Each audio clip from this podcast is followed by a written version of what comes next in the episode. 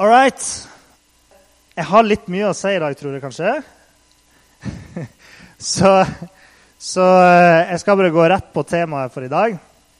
Og det er, for dere som ikke vet det, eh, så er temaet i dag Hva hvis jeg ikke føler Gud? Og så har jeg lyst til å spørre dere, Er det noen av dere som noen gang har følt ikke følt at dere har følt Gud? Eller har dere følt at dere ikke har følt Gud noen gang? Liksom tenkt at åh, jeg skulle ønske jeg følte mer. Ja, det er noen her, ikke sant? Og mange kristne spør seg akkurat det spørsmålet her. En god venn av meg for noen år siden han sleit veldig med det her. Han har vært kristen hele sitt liv, ikke sant? gått på bibelskole. Og så sa han liksom Men yo, gjennom alt det har jeg liksom aldri følt Gud. Og dere vet, Vi lever i tid nå der følelser eh, der følelser begynner å bli mer viktig enn fakta enn hva som er sant. Hva jeg føler, er viktigere enn hva et leksikon sier, eller hva som står liksom, eh, i faktabøker. Og I går så kom jeg over en nyhetssak der det sto om en amerikaner, som, altså en helt voksen mann, liksom, som sa at eh, jeg føler meg som en asiatisk filippiner. Han var en hvit mann. Og da da er det mange som vil si at ok, men hvis du føler det som det, så, så jeg kan godt være med på å si at du er det. En annen, en annen mann han er rundt sånn 50 år gammel. Dere kan finne ham på YouTube. liksom. Eh, og han sier at Halla Han sier han er ikke bare, han er ikke bare eh, en trans, altså han sier han er kvinne, men han sier at han er seks år gammel jente. En 50 år gammel mann. Han sier jeg er ei seks år gammel jente. Og det er liksom folk som sier ja, OK, greit. Uh, og jeg vil si vel, da lurer følelsene dine det. Fordi en 50 år gammel mann er ikke ei 6 år gammel jente. Sånn er det bare. Jeg mener at det finnes noen ting som er sant. Og derfor, så når folk sier 'Jeg føler ikke at jeg kjenner Gud', eller 'jeg føler at jeg ikke føler Gud', så tenker jeg Hvilken følelse er det du leter etter? Ok, Fordi man kan ha helt forskjellige forventninger om hva det er man skal føle, hvordan Gud skal føles. Og Derfor har jeg lyst til å bare begynne med det og si at Gud er ikke en følelse. Ok? Gud er ikke en følelse. Vi snakker om at Gud er kjærlighet. Men Gud er ikke den følelsen som vi kjenner inni oss, som vi kaller kjærlighet.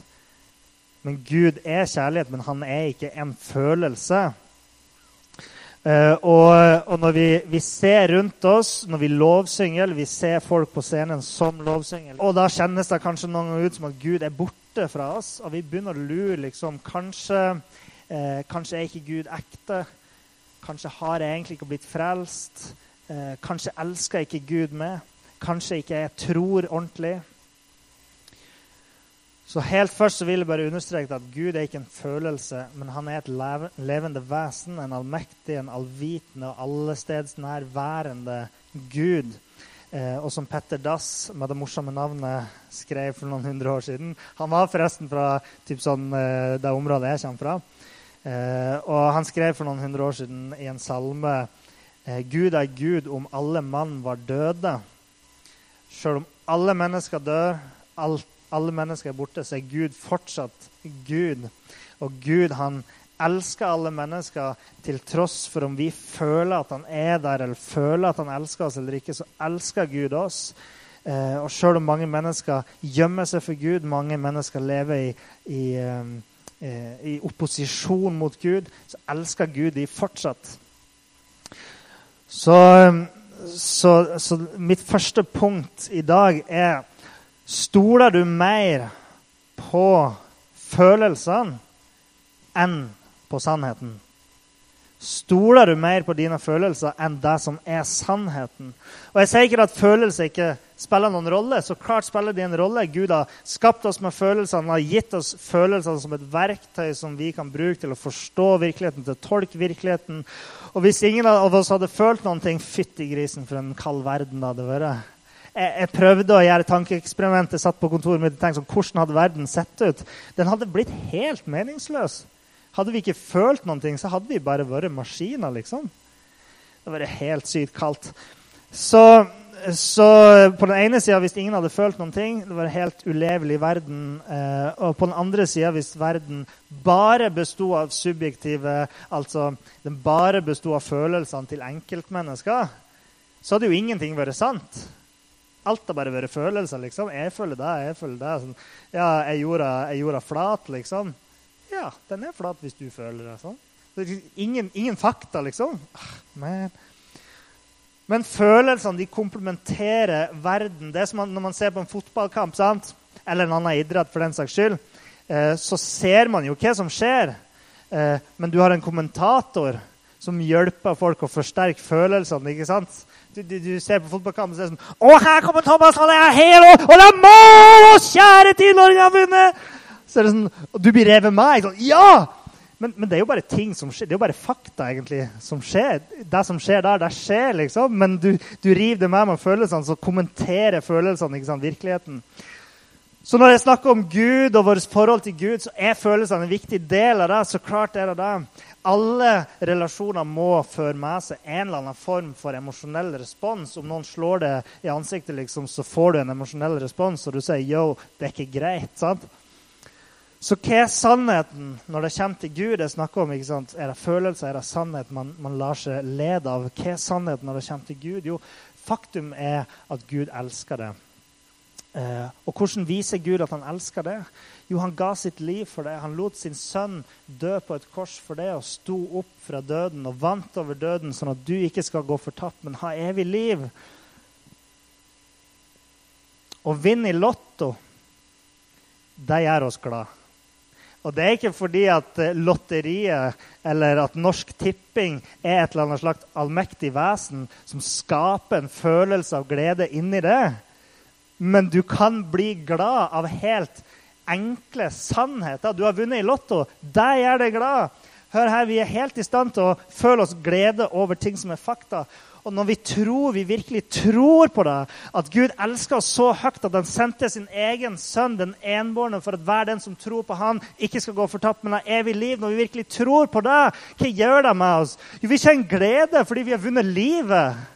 Vi har vunnet livet over døden. Så vi bør være i stand til å glede oss over det, om ikke annet.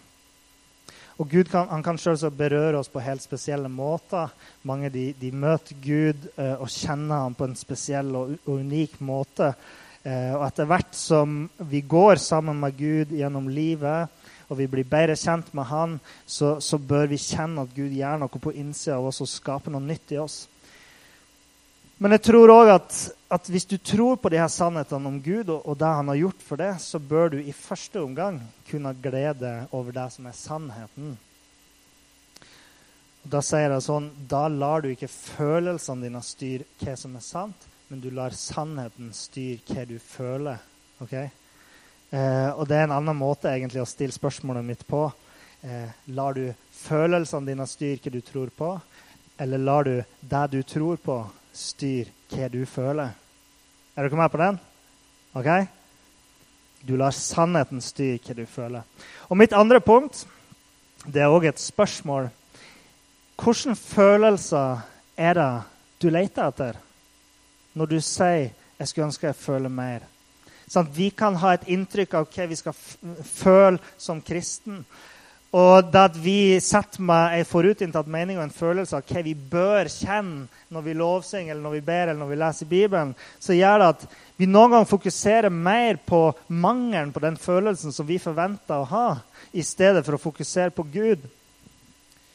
Og Mange mennesker de lever, de lever, i synd. De sier at de tror på Gud, men så, så lever de et liv som er helt sånn, eh, imot det han ønsker at man skal leve. Og Man ser det gjennom hele kirkehistorien. Kristne har gjort så mye forferdelige ting ikke sant, i Guds navn som er helt feil.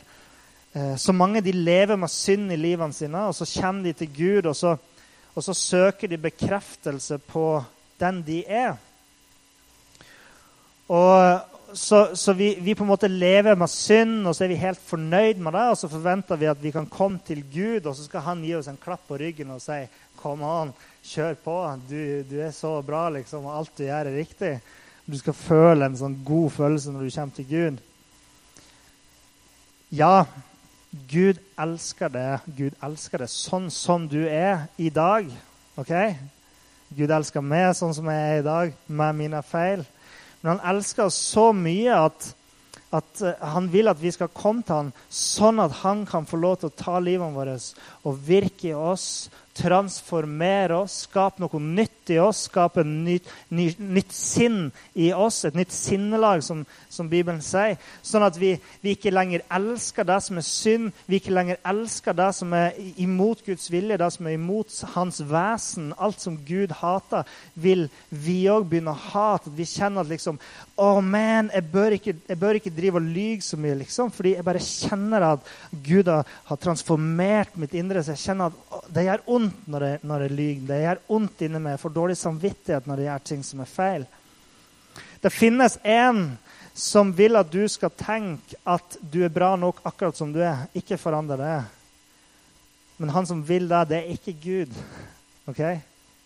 Det er en som vil at dere skal forbli sånn. Det, det er djevelen som vil at vi skal forbli som vi er.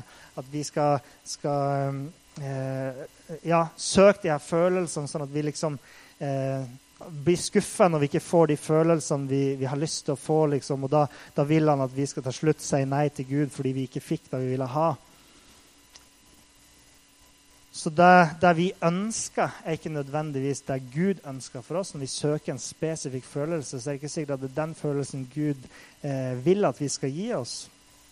Noen ganger er det kanskje at Gud vil gi oss en følelse som vi ikke har lyst til å ta imot. Les f.eks. det som står i Jakobs brev, kapittel 4, vers 8. Der står det Hold dere nær til Gud. Hold dere nær til Gud, så skal Han holde seg nær til dere. Er ikke det koselig? Det er sånn godt. ikke sant? Hold dere nær til Gud, skal Han holde dere nær til det. Og så hører han si i neste vers Vask hendene, dere syndere. Rens hjertene, dere som har et delt sinn. Klag og sørg, bryt ut i gråt. Vend latteren til sørgesang og gleden til alvor. Ydmyk dere for Herren, så skal Han opphøye dere. What? Det høres ikke så fett ut. Klag og sørg. Det er alvor, liksom. Man skal ydmyke seg, bøye kne for Gud, eh, liksom legge seg ned, og så skal Han opphøye oss. Det høres ikke så fett ut. Jeg tenkte at vi kristne vi skulle være happy hele tida. Sånn som han pastoren her. Alltid glad, liksom. Hurra. det er kanskje det vi tenker om da jeg var kristen. Man skal alltid være glad.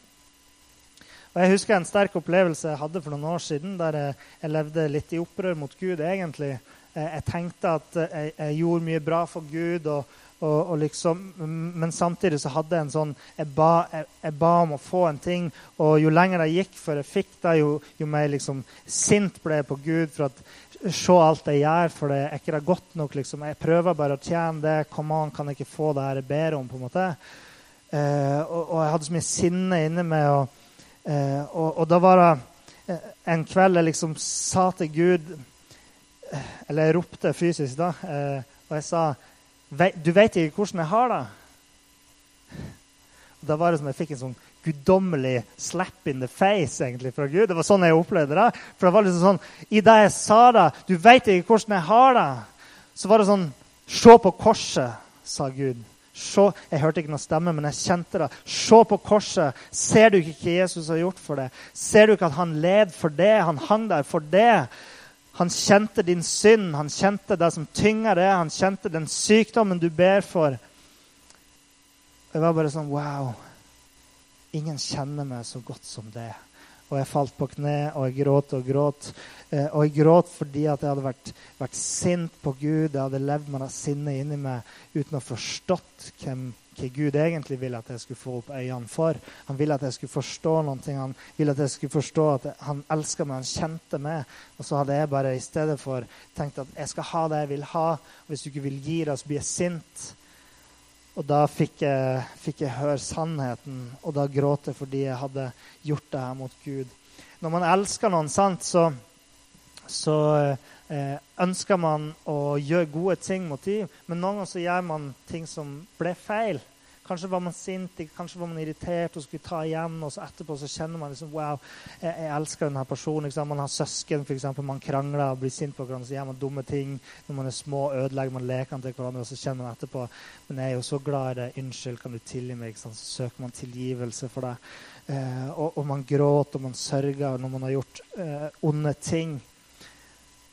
Så hvilken følelse er det du leter etter når du, når du kommer til Gud?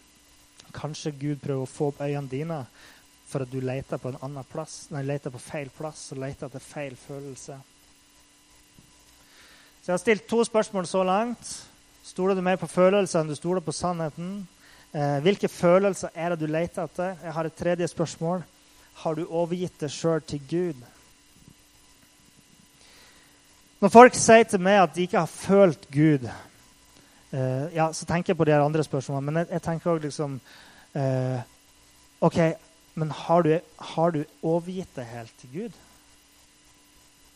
Og det, det, er jo så klart det er vanskelig for meg å bedømme, men det er en sånn tanke som man får. for det, det er liksom, OK, har du, har du overgitt deg helt? Og grunnen til at jeg får en sånn mistanke, er at hvis du virkelig har overgitt ditt liv i Guds hender, lagt ned alt som er ditt, lagt ned alle dine planer og gitt det til Gud, og du tror at Gud har tilgitt deg for dine synder, du tror at Gud skal gi deg en arv i himmelen, et liv i herlighet, og du likevel ikke føler noen ting Da tenker jeg her er det noe som skurrer. Her er det noe som ikke stemmer helt.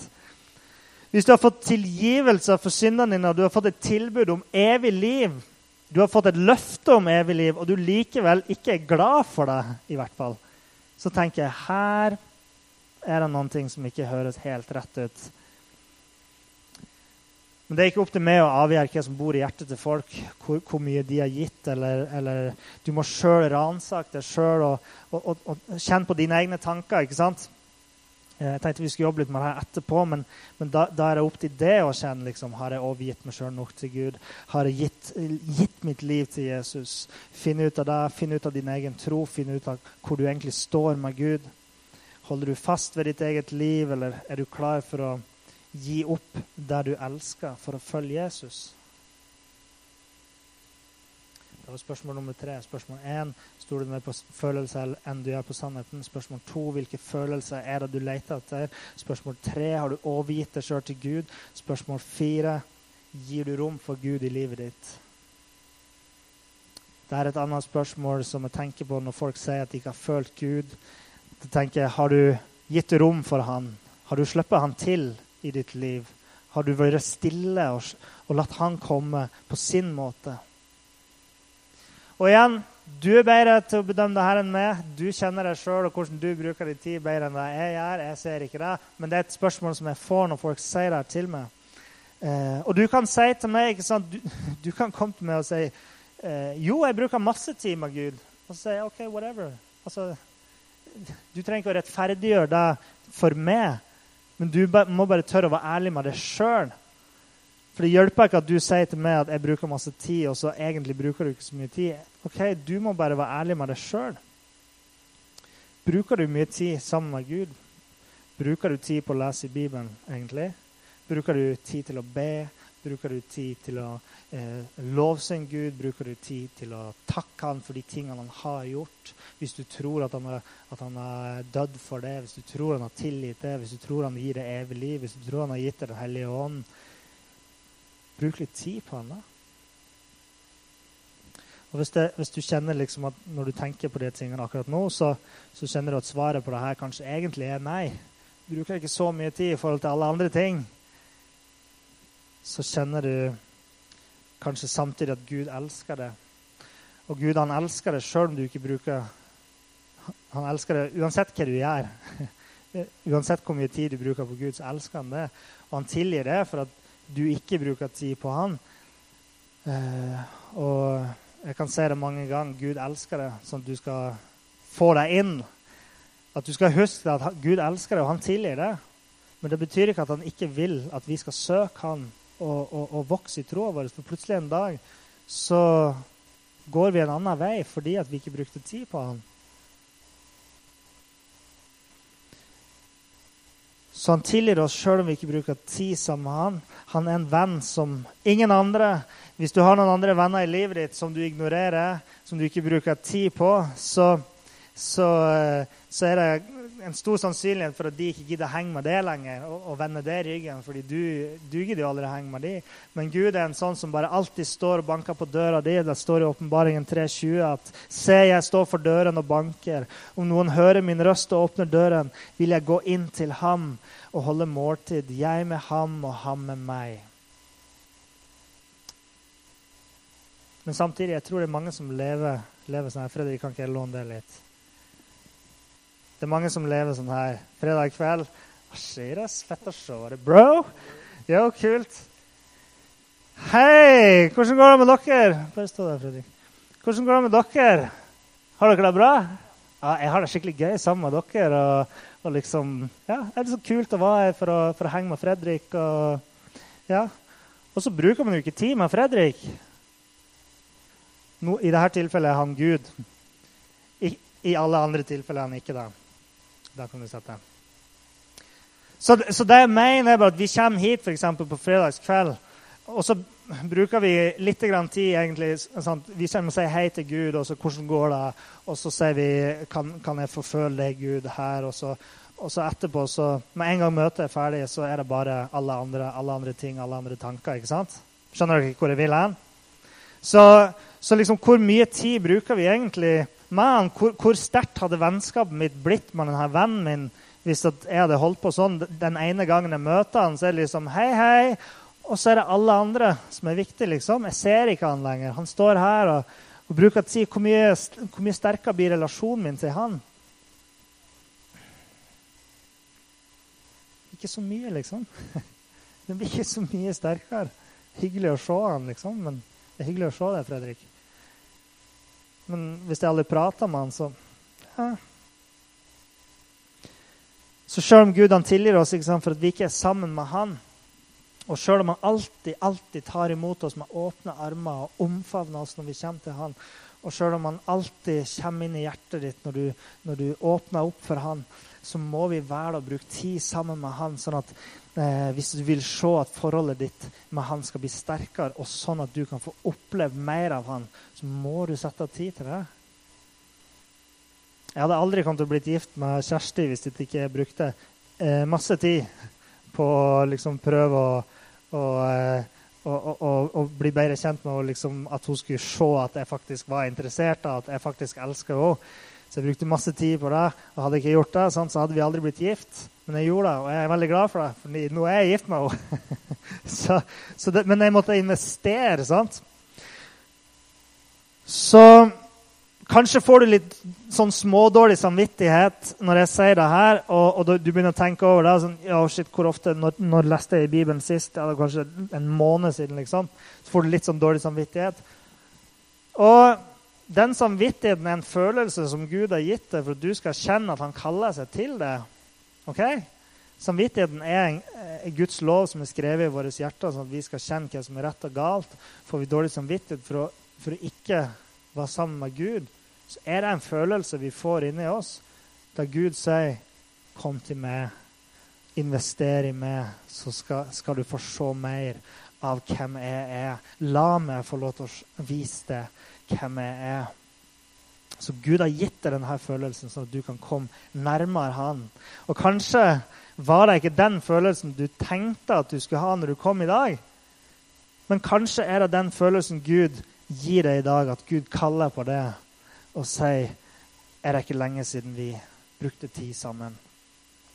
Så se på ditt eget liv. Tenk over, tenk over det, bedøm sjøl. Gir du rom for Gud i livet ditt? Jeg har et siste poeng, et siste punkt. og Det er mer en oppmuntring og ikke et spørsmål, så nå kan dere slutte å reflektere. Neida. Din lengsel etter å oppleve Gud, etter å føle Gud, er en god ting den lengselen etter å oppleve følelsen av å være sammen med Gud, er en god ting. Jeg tenker Det kan være en fantastisk ting. Du har jo en lengsel etter Gud. Når vi sier 'Åh, jeg føler ikke Gud', så innrømmer vi at vi har en lengsel til å se mer av Gud i livene våre og kjenne mer av Den hellige ånds kraft i livene våre. Og, og, og, vi lengter etter en større overbevisning, en større tro, eh, mer av Den hellige ånd, som jeg sa. Og, og, sannsynligvis så vil jeg tro at alle dere er i en av de her tre kategoriene. Den første kategorien På et eller annet tidspunkt i livet ditt så har du hatt et spesielt og unikt møte med Gud kanskje flere ganger i livet. Og du ser tilbake kanskje på, på ett eller flere punkt i livet der du hadde sterk, veldig sterk tro. Eh, og, og, du tviler ikke på den overbevisninga du har i hjertet ditt, eh, men du savner eh, mer av det du opplevde den gangen. Eller nummer to, du er i den gruppa der du tror at Gud er virkelig, du tror at Gud døde for deg, du tror at Gud elsker deg, du tror at Jesus sto opp igjen tredje dag for at du skulle få liv. Eh, men du trenger en bekreftelse på de her tingene. Du trenger en, en følelse av at det er sant. Du ønsker eh, en eller annen følelse som du ikke har hatt før, som virkelig bare bekrefter og komplementerer den troa Gud allerede har skapt i deg. Eller tre, du har lyst til å tro de her tingene, men du har fortsatt ikke kjent en overbevisning inni det. Og Uansett hvor du finner deg i de her tre kategoriene, så betyr det jo at du, du kjenner at du trenger Gud. Du har lyst på Gud. Og det er jo en fantastisk ting. Det er jo en gave at man, når man kjenner, når man, man, innrømmer at man har et savn inni seg, at man lengter etter noe mer. Det er jo fantastisk. Så hvis du kjenner det, så tenker jeg wow, du er på god vei. Fortsett å gå. Fortsett å gå. Og, og, og, og uansett hvor du befinner deg så, så, så, trenger vi alltid mer av Gud. Uansett hvilken kategori man er i, så trenger man alltid mer av Gud. Så den følelsen av lengselen etter mer, alltid bra. Men spørsmålet blir hvordan responderer vi på den følelsen? Hvordan responderer vi på den lengselen? Gjør vi sånn som jeg gjør, blir full av sinne? At man nesten er der at man, man går bort fra Gud fordi man gidder ikke når man ikke får det man vil ha? Det er en, en respons man kan gi. Hvordan responderer man på det her? Spørsmålet blir egentlig kan du svare ærlig på de her fire spørsmålene som jeg stilte i dag. Kan du svare ærlig på de? Eh, og, og og hva velger du i så fall å gjøre med de svarene du finner? Det blir spørsmålet. I stedet for å miste motet av denne følelsen, denne følelsen som kanskje du opplever at mangler, i stedet for å, å, å, å miste motet av at du, du, føler at Gud er langt borte fra det, så, så, la den heller bli en motivasjon. La heller denne følelsen av, av at man, denne lengselen la den heller bli en motivasjon til å søke Gud mer det må jo kunne drive oss. Det, det driver oss ikke bare bort fra Gud. Det må jo kunne drive oss hvis vi sier men jeg har ikke følt Gud. Ja, fortsett å søke han da. Come on! Sant? Uh, og, og, ja Som jeg sa i stad, det finnes en, en, en ond fyr som vil drive oss bort fra Gud, som vil at vi skal miste motet, som vil at vi skal gi opp. Og, og eh, og jeg har sagt det før, jeg hadde et punkt i livet der, jeg, der det føltes som om det var onde krefter liksom, som, som, prøvde å, å, å, bryte meg ned og føre meg vekk fra Gud. Og, og, og vet du hvordan jeg responderte på det? Jeg sa aldri. Aldri skal noen få lov til å ta ifra meg det Gud har gitt meg. Aldri skal jeg gi opp kampen med å kjempe for Gud.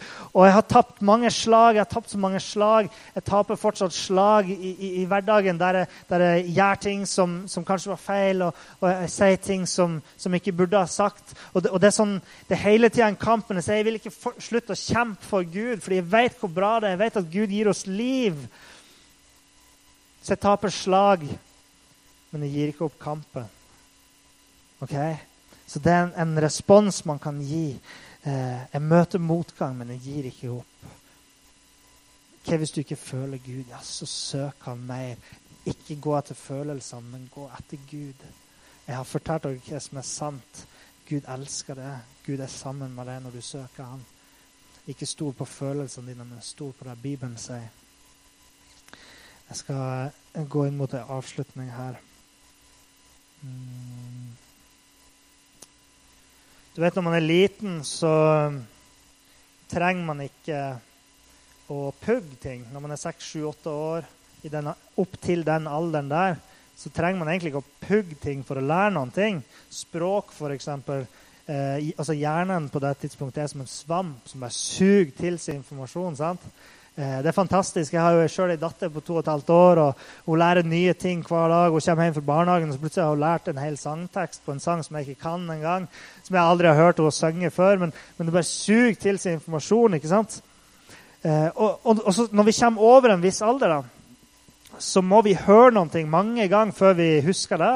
Og vi må pugge sant, for å lære noe. Og, sant, dere holder på med matte på skolen, og dere må gjøre samme mattestykke eller samme type mattestykke mange ganger, for dere kan det, for dere har lært formelen som skal brukes. Og, og hvis man ønsker at Guds ord, Guds sannhet, skal stå klart og tydelig i ditt sinn og i ditt hjerte, ja, så må du bruke tid på å lese i Guds ord. liksom. Der taler Gud til oss. Jo mer du har lest, jo bedre du kan det som står der, jo bedre kjenner du sannheten, og jo bedre vil det føles hver gang du leser det, og jo sterkere vil du tro på det som står der. Når man leser i Bibelen Noen ganger så kan man lese den som bare en tekst. Og kanskje i begynnelsen for noen så er det litt sånn, du leser den litt mer som en tekst, og det føles litt som et ork. Men det er et ork som man må ta, for etter hvert så vil du kjenne at Den hellige ånd virker gjennom ordet. Plutselig kommer du over et vers eller to vers, kanskje det er femte gangen du leser det samme verset. Plutselig så bare ser du, og du bare kjenner det. 'Å, det er så bra. Det er så sant.'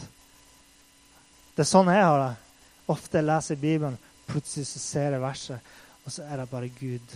Jeg bare kjenner sannheten i det. Han bare kommer over meg, liksom. Det er ikke så ofte jeg snakker om, om, om følelsene, fordi da kan dere tenke jeg skal forvente akkurat samme følelsen, men det er sånn jeg har det når jeg leser i Bibelen. Og så bare kjenner Gud seg Gud, Gud liksom har virka i meg, så jeg bare kjenner at det her er sant. Og det er så godt. Det er så sterkt. Og, og um, Eh, og, og, det er noen dager ikke sant? jeg leser i Bibelen, og jeg har kanskje dårlige dager, og dager der jeg føler at kanskje Gud ikke har, har vært nær ikke sant, den dagen. Og så leser jeg i Bibelen, og da kjenner noen ganger Gud bare kommer når jeg, når jeg, leser Hans ord. Han taler til meg gjennom det. I Jeremia kapittel 29, vers 12 og 14, der står det Når dere kommer til meg, eh, når dere kaller på meg og kommer for å be til meg, vil jeg høre på dere. Dere skal søke meg, og dere skal finne meg. Når dere søker meg av et helt hjerte, la jeg dere finne meg, sier Herren. La sannheten i Guds ord overtale deg om at det er sant, og at Gud er nær deg.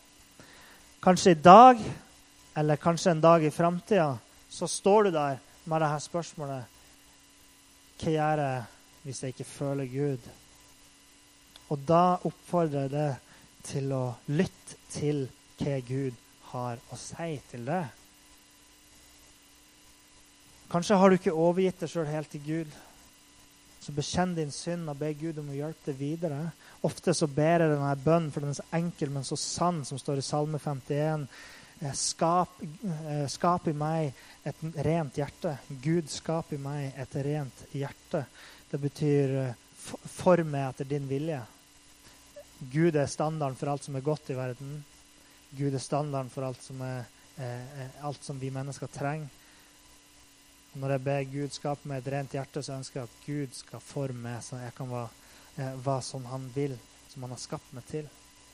Kanskje føler du at du ikke har blitt døpt i Den hellige ånd, eller at de åndelige nådegavene i hvert fall enda ikke har manifestert seg i ditt liv. Bibelen han eh, følte òg noen ganger at Gud virka langt borte. Og en gang så sa han, 'Hvor lenge, Herre, vil du glemme meg for alltid?' Hvor lenge vil du skjule ansiktet for meg? Se meg, svar meg, Herre min Gud.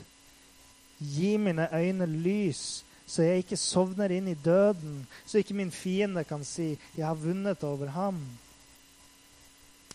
Men så sier David til slutt i denne korte salmen men jeg setter min lit til din nåde. Mitt hjerte skal juble over din frelse. Han sier ok, jeg føler at Gud er langt borte, men vet du hva, jeg velger å stole på det han har sagt. Jeg velger å stole på det han har gjort. Og så sier han, jeg vil synge for Herren, for han har gjort godt mot meg. Så han sier, OK, akkurat nå, Gud, kan du bare si jeg bare føler meg skitt. Jeg bare føler meg langt borte fra det. Men jeg husker jo hva du har gjort for meg. Og da velger jeg heller å stole på det. Dere vet, sant? Jeg kan ikke kjenne de følelsene kona mi har for meg. Det høres kanskje rart ut når jeg ser det sånn, men jeg kan jo ikke kjenne jeg kan jo ikke kjenne hva hun føler. Det er jo sånn når man sier til hverandre sant? 'Jeg er glad i det.' 'Ja, men jeg er enda mer glad i det.' det er sånn, ja, OK, hvor lenge skal vi diskutere det? Vi, finner jo aldri svaret. på en måte. Men? Jeg, jeg kan ikke kjenne hva hun føler for meg. Men jeg kan stole på at når hun sier at hun elsker meg, så er det sant. Og så kan jeg se på de tingene hun gjør mot meg, og så kan jeg si Wow, du elsker meg virkelig. Du gjør så mye for meg. Du deler livet ditt med meg. Wow, det må være kjærlighet. sant? Når Gud sier at han er nær oss, når Gud sier at han elsker oss, når Gud sier at han, han eh, lot sin sønn dø for oss, når han sier alle de tingene han gjør for oss, når han sier hvor mye han bryr seg om oss, når vi ser hvor mye han har gjort for oss Når du ser at han kaller deg i dag, liksom, så tenker man wow, du må elske meg så høyt, Gud, som har gjort så mye for meg. Gud han har fortalt deg i dag at han elsker det, og han fortalte i dag at Jesus døde for det på korset. Han har fortalt deg at du er tilgitt for dine synder. Du er tilgitt til meg for den tida du ikke har brukt sammen med han. Så ikke stol blindt på de følelsene du har, men stol på Guds sannhet.